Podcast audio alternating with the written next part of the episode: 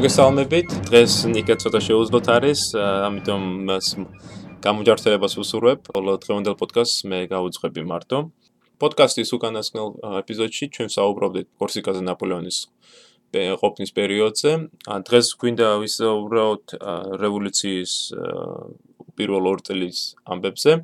და ვნახოთ თუ რა თუ რა როლს ასრულებდა ნაპოლეონი ამ მოვლენებში. მაშ დავიწყოთ.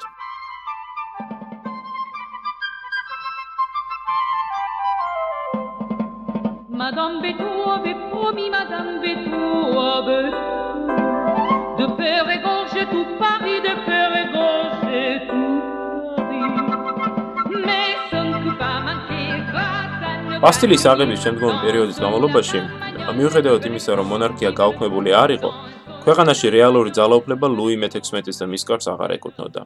ახლა ქვეყნის მართვის სადებების დამფუძნებელი კრებას ეკვა ხელ, რომელიც ძირფესიანად ცვლიდა საფრანგეთის იერსახეს. მოკლე პერიოდში მიღებული იქნა ადამიანის მოქალაქეთა უფლებების დეკლარაცია, რომელიც რევოლუციის უმთავრეს დოკუმენტს წარმოადგენს. სწორედ ამ დოკუმენტში ადამიანის ინდივიდუალური და კოლექტიური უფლებები განისაზღვრა და ის დღემდე რჩება საფრანგეთის კონსტიტუციური სამართლის საფუძვლად. დეკლარაციის იდეური წყარო საფრანგეთის განმანათლებლობითი ფილოსოფია გახდა. დოკუმენტი შედგებოდა მხოლოდ 17 მუხლისაგან, მაგრამ მასში მეტად მნიშვნელოვანი საკითხები იყო განხილული. პირველი მუხლის მიხედვით ადამიანები იბადებიან და რჩებიან თავისუფალნი და თანასწორუფლებიანი. დეკლარაციამ აღიარა სახალხო სუვერენიტეტის პრინციპი, განსაზღვრა ადამიანისა და მოქალაქის ბუნებრივი, შეუვალი უფლებები და თავისუფლებები. ხელშეუხებლად გამოაცხადა კერძო საკუთრება, დაადგინა კანონი როგორც საყოველთაო ნების გამოხატულება და ყველა მოქალაქის უფლება მისცა პირად ან წარმოადგენლის მეშვეობით მონაწილეობა მიიღო საკანონმდებლო საქმიანობაში. ამავე დროს გატარებული იქნა რეფორმები, რომელთა მიზანი საფუძვნებელი კრების მიერ ფეოდალიზმის ოფიციალურად გაუქმებას წარმოადგენდა 1799 წელს დაიწყო და მომდევნო წელს დასრულდა საფრანგეთის ადმინისტრაციულ ტერიტორიული გადანაწილება, რითაც ბოლო მოიღო ქვეყნის შუა საუკუნეოვან პროვინციებად დაყოფას. მათ ნაცვლად ახალი ადმინისტრაციული ერთეულები, დეპარტამენტები შემოიღეს მართვის არჩევითი სისტემით. დიდი მნიშვნელობა ჰქონდა ეკლესიის კუთვნილი მიწების და ქონების კონფისკაციასაც. რითაც სტამპუძნებელმა კრებამ ეგრეთ წოდებულ სეკულარიზაციის პროცესს დაუდო საფუძველი. საინტერესოა რომ ამ ამ პროცესის ინიციატორი იმ დროს ჯერ კიდევ უცნობი ოტენის ეპისკოპოსი შალმორის ტალერან დე პერიგორი იყო. სწორედ ის ტალერანი შემდგომში მრავალი წლის განმავლობაში საფრანგეთის საგარეო საქმეთა მინისტრი რომ იქნება და ევროპის ქვეყნების ბედს რომ გადაწყვეტს. სწორედ ის ნაპოლეონის ცხოვრებაში საბედისწერო გავლენას რომ იქონიეს და რომელზედაც შემდგომში ნაპოლეონი იტყვის მე რომ ტალერანი თავის დროზე ჩამომეხჭო ჯერ კიდევ ტახტზე ვიქნებოდიო. რევოლუციით გამოწეული ცვლილებები აბსოლუტურ მონარქიას ძირს უთხრიდა და მის მომხრეების უღონო რისხვას იწევდა. უღონო იმიტომ, რომ აშკარად ხდებოდა, რომ ძალაუფლება მათ უკვე დაკარგული ჰქონდათ. და თავისი ძალებით მის უკან დაბრუნებას ვეღარ მოახერხებდნენ. რჩებოდა ერთადერთი იმედი, იმედი გარე ძალისა. ძალისა, რომელიც დახმარების ხმელს გაუწვდიდა მათ და საფრანგეთის საშინაო საქმეებს მათ სასარგებლოდ გადაწყვეტდა. რევოლუციური პროცესის განვითარებასთან ერთად როიალისტთა დიდ ნაწილს ქვეყანაში აღარ დაედგმებოდა და ამიტომ მათი დიდი ნაკადი საფრანგეთთან ევროპის ქვეყნებში დაიწყრა. ინგლისის, პრუსიის, ავსტრიის და სხვა ქვეყნების ქალაქებში უამრავი გაქცეული ფრანგი არისტოკრატი დაეხეტებოდა და ადგილობრივი ხელისუფლებისგან დახმარებას ითხოვდა. ეს დახმარება კი რა თქმა უნდა საფრანგეთში ინტერვენციას გულისხმობდა. თვით საფრანგეთში კი ამ დროს გაცხოველებული პოლიტიკური და იდეოლოგიური ბრძოლა მიმდინარეობდა და სიტუაცია თანდათანობით იწაბებოდა და უმართავი ხდებოდა. დამფუძნებელი კრების პარალელურად მოქმედება რამოდენიმე პოლიტიკური კლუბი, რომელთა შორის ყველაზე გავლენიანი და პოპულარული იაკობინელთა კლუბი იყო.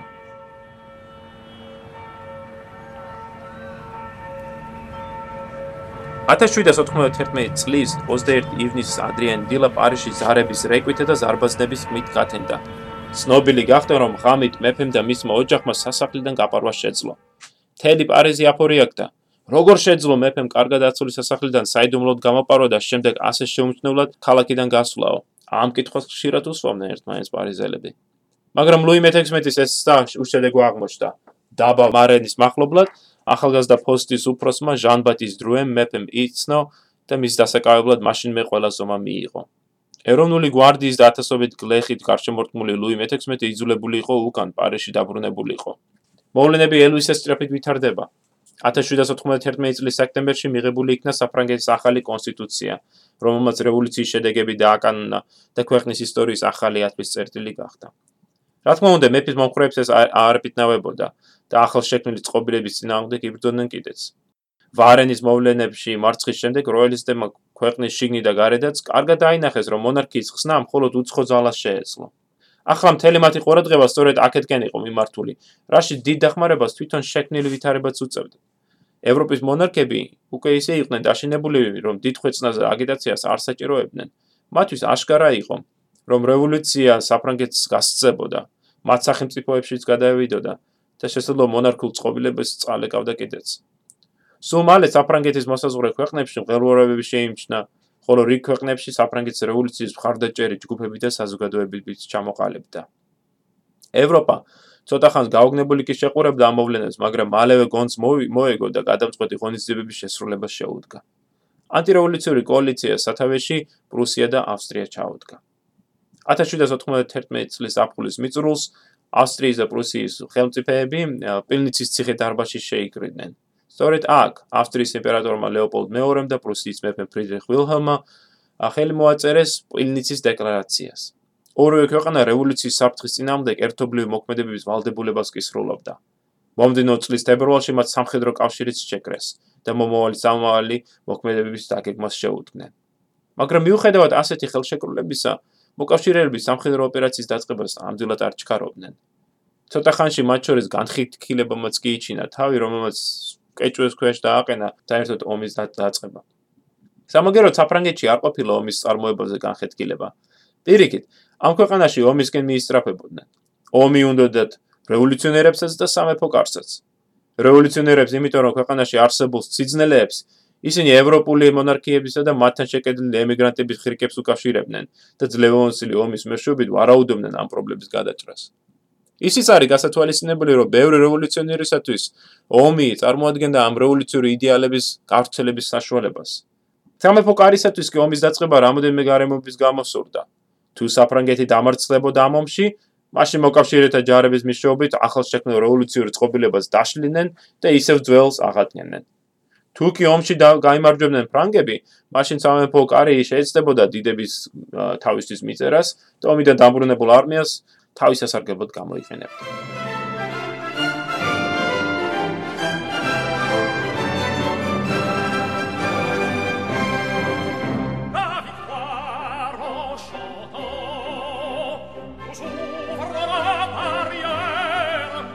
ათას 792 წლის 20 აპრილს საფრანგეთმა ომი გამოუცხადა და ავსტრიას და საომარი მოქმედებები დაიწყო. მალე ომში ავსტრიელთა მოკავშირე პრუსიაც ჩაება. ომის სრულობამ არ გაუმართლა იმედი რევოლუციური პატრიოტიზმით აღტკინებულ ფრანგებს. პირველი უმნიშვნელო წარმატების შემდეგ მათი არმია ჯერ თავდაცვაზე გადავიდა, ხოლო შემდეგ უწესრიგო უკან დახევა დაიწყო.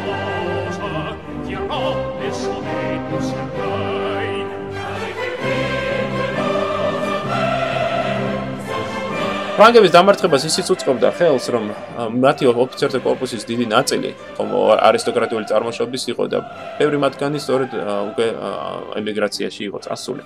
მოკავშირეებისათვის ცნობილიც იყო საფრანგეთის უმაღლეს სარტლობის საომარი მოქმედების გეგმების ნაწილი, რომელიც როელის მოფიცრებმა ომის დაწყების წინ გადასცეს მოკავშირეებს. ვითარება სწრაფად უარესდებოდა. 23 აგვისტოს მოკავშირეებმა უბრძოლველად აიღეს ლონგვის ციხის სიმაგრე. ხოლო 2 სექტემბრისათვის უკვე ვერდენს დაუვეფლნენ. ორივე ეს პირველ ხარისხოვანი ციხესიმაგრე ხანგრძლივი თავდაცვისათვის იყო გათვალისწინებული და მათი ასეთი სწრაფი დაცემად კატასტროფის ტოლფასი იყო. პარიზსა და მოკავშირეებს შორის ასეთი მნიშვნელოვანი და ძლიერი სხვა ციხესიმაგრე აღარ იყო და საფრანგეთის დედაქალაქ საფრთხე დაემუქრა.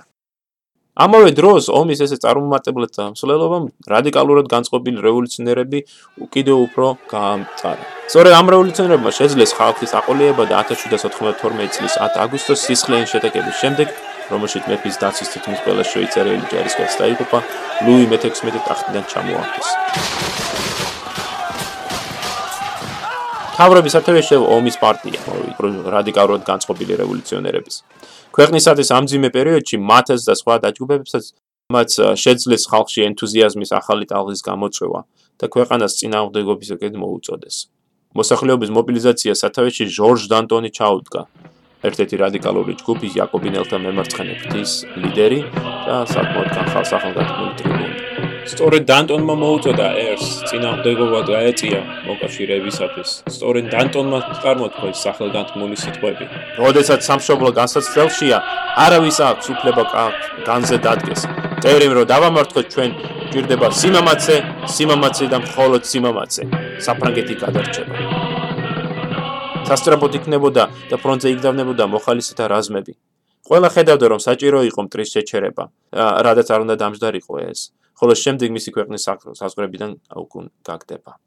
ამის გაკეთება კი ძალიან ძიმე იყო, რადგან მიუხედავად უდიდესი ენთუზიაზმისა ფრანგების ახლად შექმნილ არმიას მოწინააღმდეგის რეგულარულ ჯართან ბრძოლაში გამარჯვების მცირე შანსი ჰქონდა. პარიზისაკენ მარშით მიმოვალ მოკავშირეებს წინ ფრანგების ახალი არმია გადაუდგა. ეს არსებითად სახალხო ლაშქარი იყო. შედარებით კარგად იყო შეერაღებული, მაგრამ სრულიად გაუწვრთნელი. მაგრამ მას სათავეში გამოცდილი გენერალები დიუმორლია და კელერმანი ედნენ. მოწინააღმდეგები ერთმანეთს 20 სექტემბერს პატარა დაბა ვალმის მიდამოებში შეხვდა. ამო კომანდო! გამარჯვებაში დარწმუნებული მოკავშირეები მაშინვე შეტევაზე გადავიდნენ.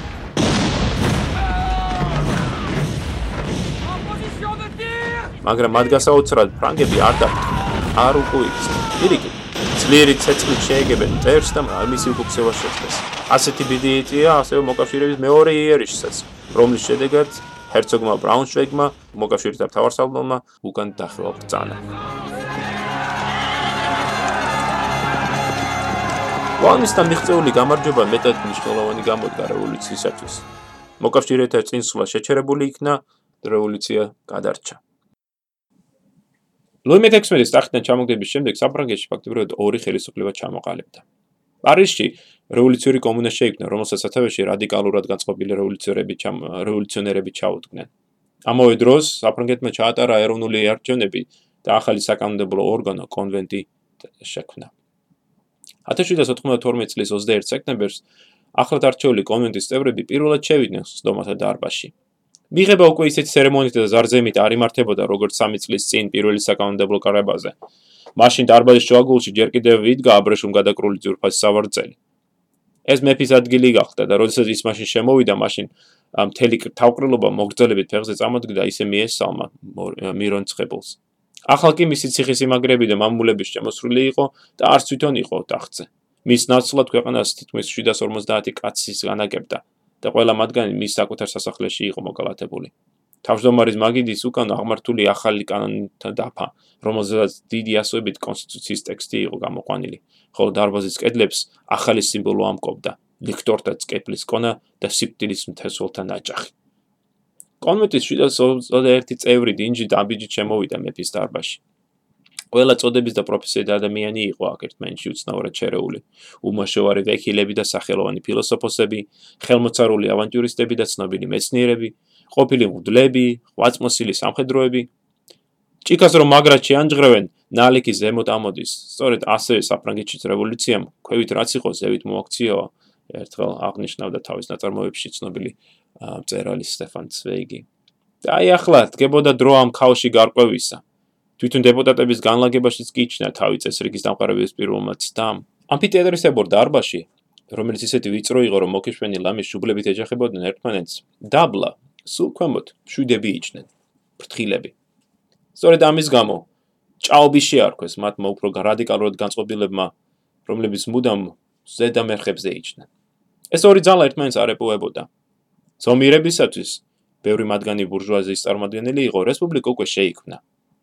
მათ ბრძოლით მოიპოვეს კონსტიტუცია თავიდან მოიშორეს მეფე და თავიდან ნარობა ვრცელი უფლებები მიენჭეს მესამე წოდებას მათი ბელადები, კონდორსე, როლანი წვები, ინტელიგენციის და საშუალო წოდების წარმომადგენლები იყვნენ. და დიდი სიამონებით შეაჩერებდნენ უფრო დაბალი ფენებიდან წამოსულ ნეაღვარს, ოღონ დაიცვან ის, რაც უკვე მოიპოვეს მათ.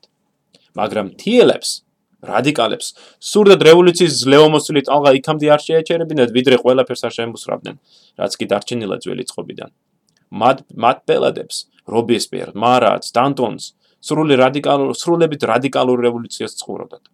და აი ესე მოусვენრად ხან ხანაობდა სასწორის ფინები ამ ორ პარტიას შორის ხან ერთის ძლევს ხან მეორე ზომიერებმა რომ გამოიმარჯვონ რევოლუცია თანდათანობით წყალმარჩხი გახდებოდა და ჯერ ლიბერალურ ხოლო შემდეგ ალბათ კონსერვატიულ რეაქციაში გადაიზრდებოდა ხოლო თუ რადიკალები გამოიმარჯვებდნენ, ქვეყანა სავსებით ახალ საზოგადოების შენებლობას შეუდგებოდა. ასე რომ საბედისწერო დარბაზში პირველ შეხვედრის აზემო ჰარმონია დამსწრეთათვის არავის არ ტყუებდა. თითოეულ მათგანმა იცოდა, რომ მალე აქ სამხედრო სამსაცმელო ბრძოლა გაიჩაღდებოდა, ხოლო ადგილს, რომელსაც დეპუტატი აერჩევდა, დაბლა, ბარში ან ჭაობში თუ ზემოთ, თაზე გადამწყვეტი როლი უნდა ეთამაშა ამ ბრძოლაში და ქვეყნის მომავლის განსაზღვრაში. 1792 წლის მიწურული და 1793 წლის პირველი ნახევარი საფრანგეთში შიდა აშლობით აღინიშნა. ყოფილი თანამოაზრენი, ზომიერი და უფრო რადიკალურად განწყობილი ჟირონდისტები და იაკობინელები ერთმანეთს აუპირისპირდნენ. ჟირონდისტები სამრეწველო და სავაჭრო ბურჟუაზიის წარმომადგენლები იყვნენ და დაბალი ფენების ინტერესების გამოხატულ იაკობინელებისგან განსხვავებით უარყოფდნენ რადიკალიზმს და ზომიერებას მისდევდნენ. იაკობინელებს კი რევოლუციის გაგრძელება, მისი გაღრმავება სურდათ. პარტიებს შორის დაძაბულობა დღითი დღე იზრდებოდა და თავის წევრალს 16 იანვარს მიაღწია, როდესაც უნდა საბოლოოდ გადაწყვეტილიყო საბრანგეთის ყოფილი მეფის ლუი მე-16-ის ბედი. მიუხედავად იმისა, რომ მეფის ხელისუფლება უკვე აილაგმა, იყო ერთი გარემოება, რომელიც ხშირად აფიქრებდა რესპუბლიკელებს. მეფე ლუი მე-16 ჯერ კიდევ ცოცხალი იყო. მართალია, ტამპლის ციხეში იყო გამოკეტილი, მაგრამ მაინც ცოცხალი. ტახტიდან კი ჩამოაგდეს, შეიპრეს, სახელი და ტიტული ჩამოართვეს, მაგრამ ვიდრე პირში სული ედგა, ვიდრე ძარღვებში მემკვიდრეობით მიღებული მეფური სისხლი უჩქებდა, იგი მე ის ხომ მეფე იყო.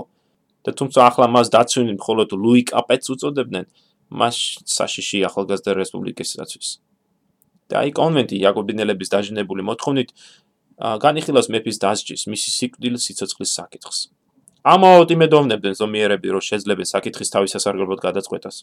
იაკობინელები დაჟინებით მოითხოვდნენ მეფის სიკვდილით დასჯას და ამასთანავე რომ ფრანგიერის ყოველმა წარმომადგენელმა ხმამაღლა ღიად მოახსენოს კრებას თავისი აზრი. ჰოსამბოს თუ არას, სიკვდილს უსჯის თუ სიცოცხლეს უნარჩუნებს ერის მტერს, როგორც მეფეს იაკობინელები უწოდებდნენ. პირველი კენჭისხრა 1793 წლის 15 იანვარს შედგა. კონვენტის 721 წევრიდან 693-მა მეფე დამნაშავედ ცნო. იმავე ღამეს მეორე კენჭისყრა შედგა, ამჯერად უნდა გადაეწყვიტა საკითხი თუ რა უნდა ეკნათ მეფეს. სიკვდილი დაესაჯა თუ არა. ამჯერად 721 წევრიდან 361-მა მხარი დაუჭირა სიკვდილის დასჯას, ხოლო 360-მა არა. მხოლოდ ერთმა ხმამ გადაწყვიტა მეფის ბედი. იმავე წლის 21 იანვარს საფრანგეთის მეფე ლუი მე-16-ის სიკვდილით იქნა დასჯა.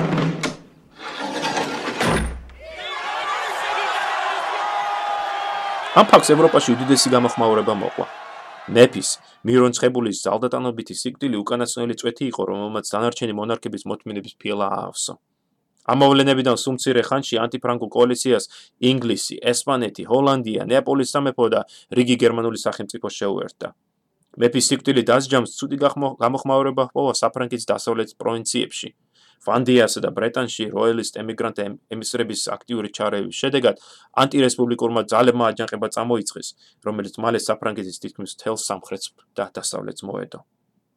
ამასთან მკვეთრად გავარეს და მდგომარეობა ფრონტებსაც.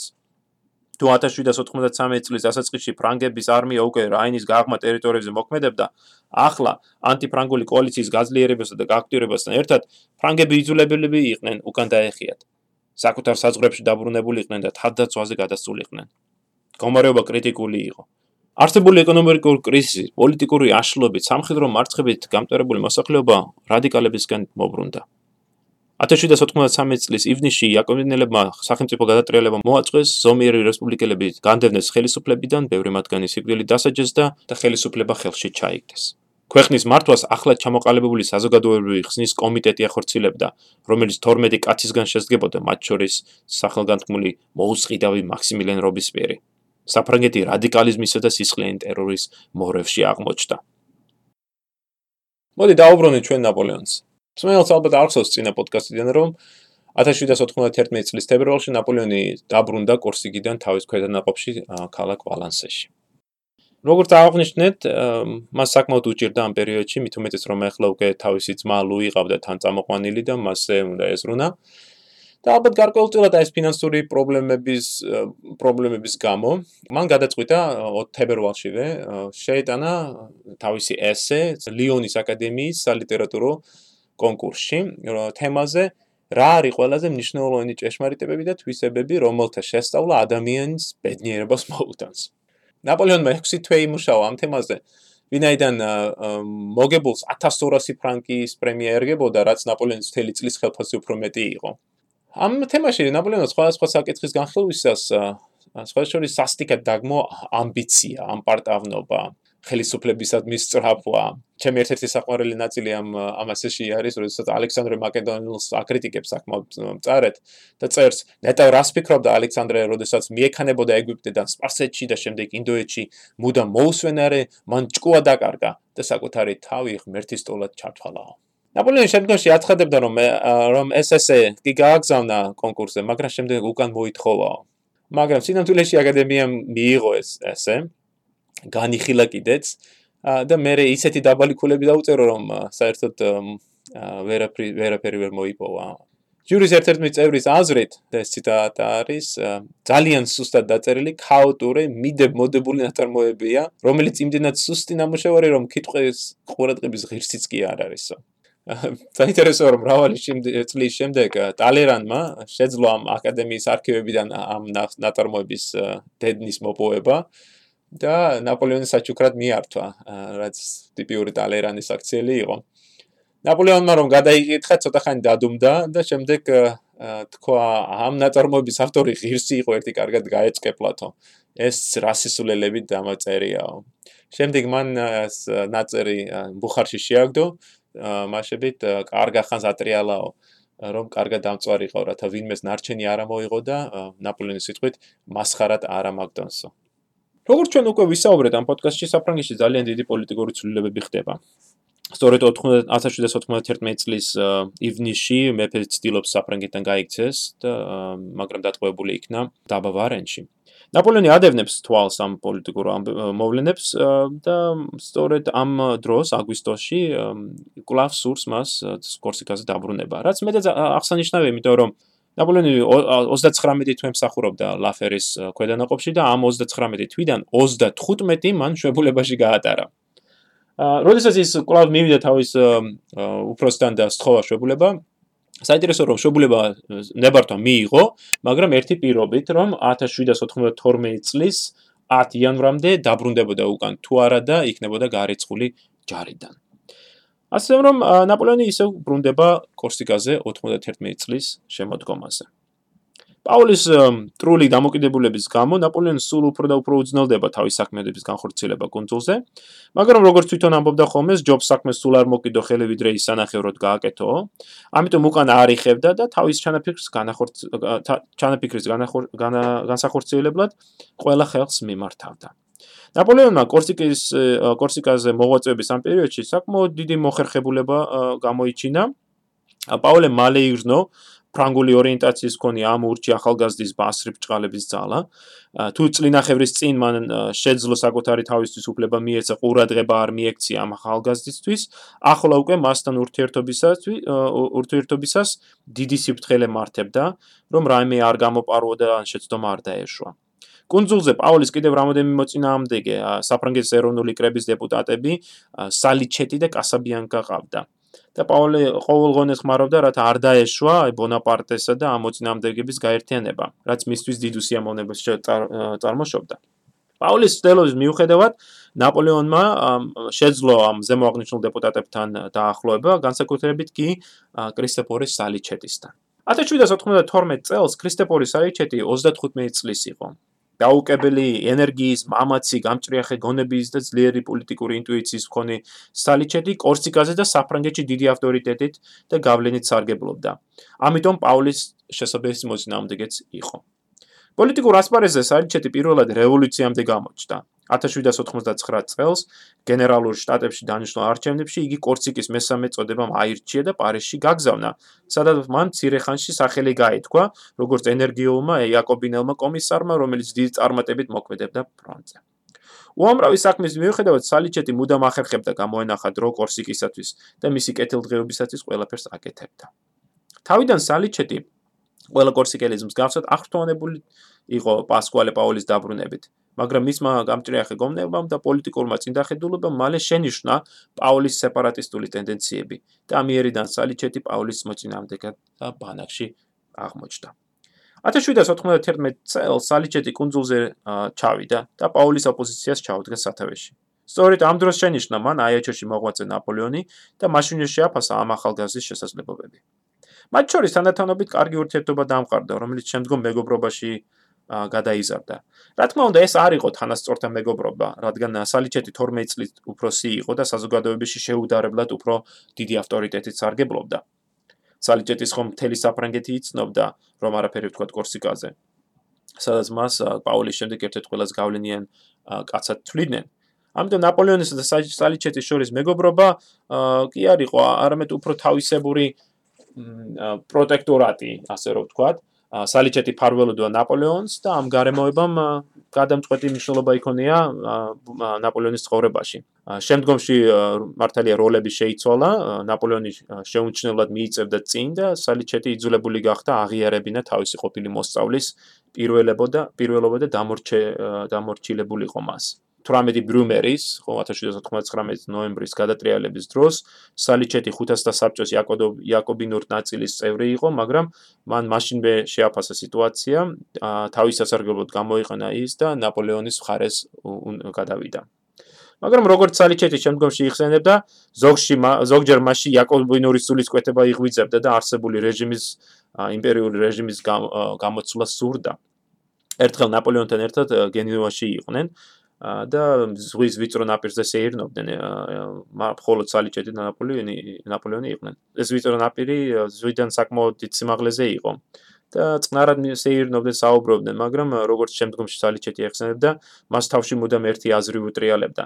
ერთი პატარა ხელის კვრა და თავისუფლება თანასწორობა ერთობა კლავ აღსგება და გამოიმარჯვებსო მაგრამ გამბედაობა არ იყო გადაეგდო ნაპოლეონი და ამიტომ ყველაფერი უცვლელად დარჩა შემდგომში ნაპოლეონმა სალიჩეთი ჯერ ნიშნულოვანი მისიით გაგზავნა იტალიაში, ჩრდილო იტალიაში, ხოლო შემდეგ სამხრეთ იტალიაში, ნეაპოლში, ნეაპოლის სამეფოში პოლიციის მინისტრად დანიშნა. ნეაპოლის მეფეებს, ჟოზეფს ჯერ და შემდეგ მიურაც არ უყვარდა და ეშინოდათ კიდევაც ეს პოლიციის ყოვლის შემძლე მინისტრი. ნეაპოლში სალიჩეთის უზარმაზარი ძალაუფლება და გავლენა ჰქონდა. და მას ხანდახანს სამეფოს ვიცე-მეფესაც უწოდებდნენ, რაც გარკვეულწილად მართალიც იყო. 1809 წელს ნეაპოლის პრეფექტის მიერ მოწყობილ წვეულებიდან დაბრუნებული სალიჩეთი უეცრად სუდად გახდა და გარდაიცვალა. ერთი ხანი ჭორებიც კი დადიოდა რომ სალიჩეთი ქალაქის პრეფექტის მიერ იყო მოწამლული. და შესაძლებელია სიმართლეს ყოფილიყო. ყოველ შემთხვევაში არა გვაქვს ჩვენ დამადასტურებელი საბუთი ახლა. როდესაც ნაპოლეონმა სალიჩეთის გარდაცვალების შემდეგ შესახებ შეიტყო, წუხარებით წარმოუთქვამს. ევროპამ თავისი ერთ-ერთი ყველაზე ძლიერი მოაზროვნე დაკარგა. ძნელბედობის ჟამს ერთი სალიჩეთი უფრო მეც ნიშნავდა ვიდრე 100000 კაციო.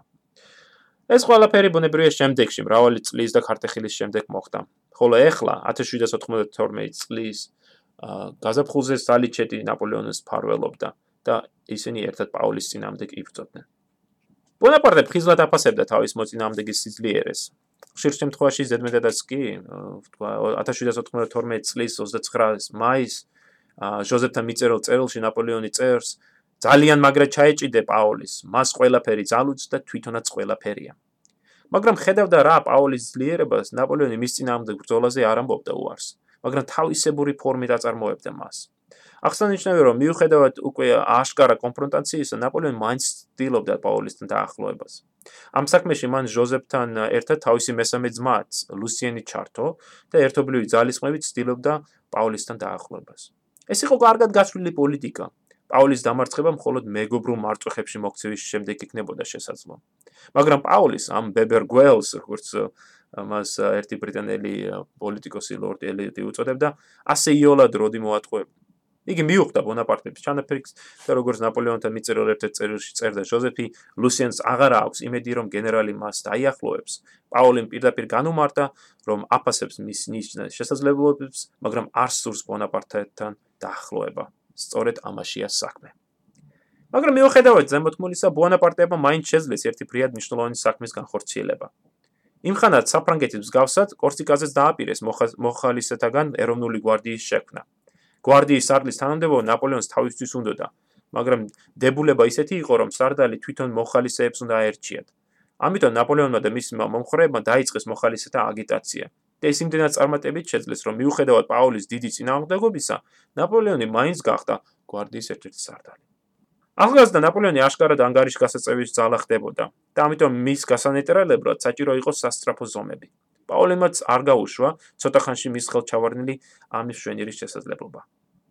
გაზაფხულის დასაწყისში აიაჩოში ბღელვარება დაიწყო, რაც იმით იყო გამოწვეული, რომ სალიჩეტი და საფრანგეთის რევოლუციური ხელისუფლების სხვა წარმომადგენლები ეკლესია მონასტრების დახურვა შეუდგნენ.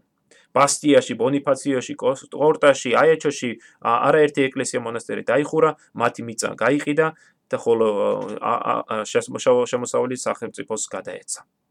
8-12 აპრილს ნაპოლეონის მოხალისეებსა და ქალაქის მოსახლეობას შორის რამოდენიმე შეტაკებაც მოხდა.